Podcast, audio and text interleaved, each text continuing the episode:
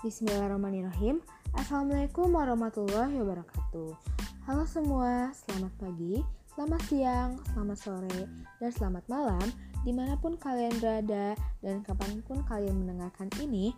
Semoga kita semua berada dalam keadaan sehat walafiat dan selalu dalam lindungan Allah Subhanahu wa Ta'ala. Amin ya Robbal 'Alamin. Sebelumnya, izinkan saya untuk memperkenalkan diri terlebih dahulu.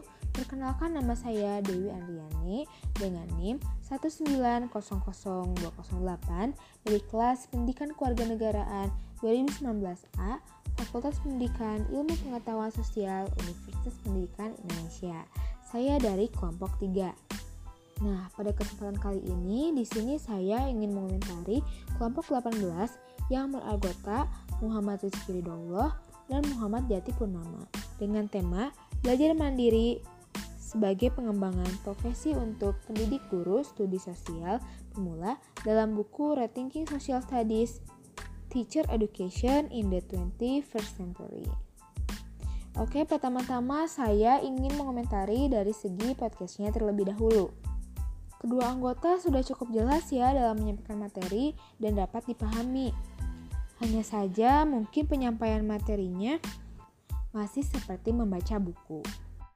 Mungkin bisa juga lebih bersemangat lagi ya dalam menyampaikannya agar pendengar tidak bosan dan juga tidak mengantuk. Hmm, untuk powerpointnya sendiri menurut saya sih masih terlalu, terlalu sederhana ya. Mungkin bisa ditambah animasi. Isi materinya pun masih dalam bentuk paragraf. Seperti hanya mengcopy paste dari makalah.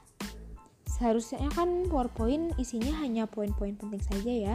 Maka dari itu mungkin bisa lebih diringkas lagi dan hanya diambil poin intinya saja.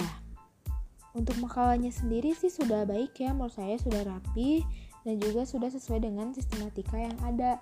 Materinya pun juga dapat dipahami dengan jelas.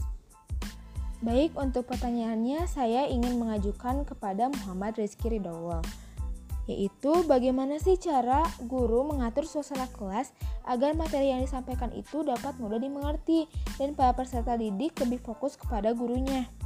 Karena seperti yang kita ketahui, kita sendiri pun sebagai mahasiswa masih sulit untuk fokus ketika sedang belajar di kelas.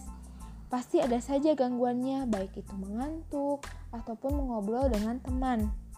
Menurut saudara Rizky, bagaimana nih menyikapinya? Sekian dari saya, terima kasih atas kesempatannya. Mohon maaf atas kekurangan dan kelebihannya. Wabillahi taufiq walhidayah. Wassalamualaikum warahmatullahi wabarakatuh. Terima kasih.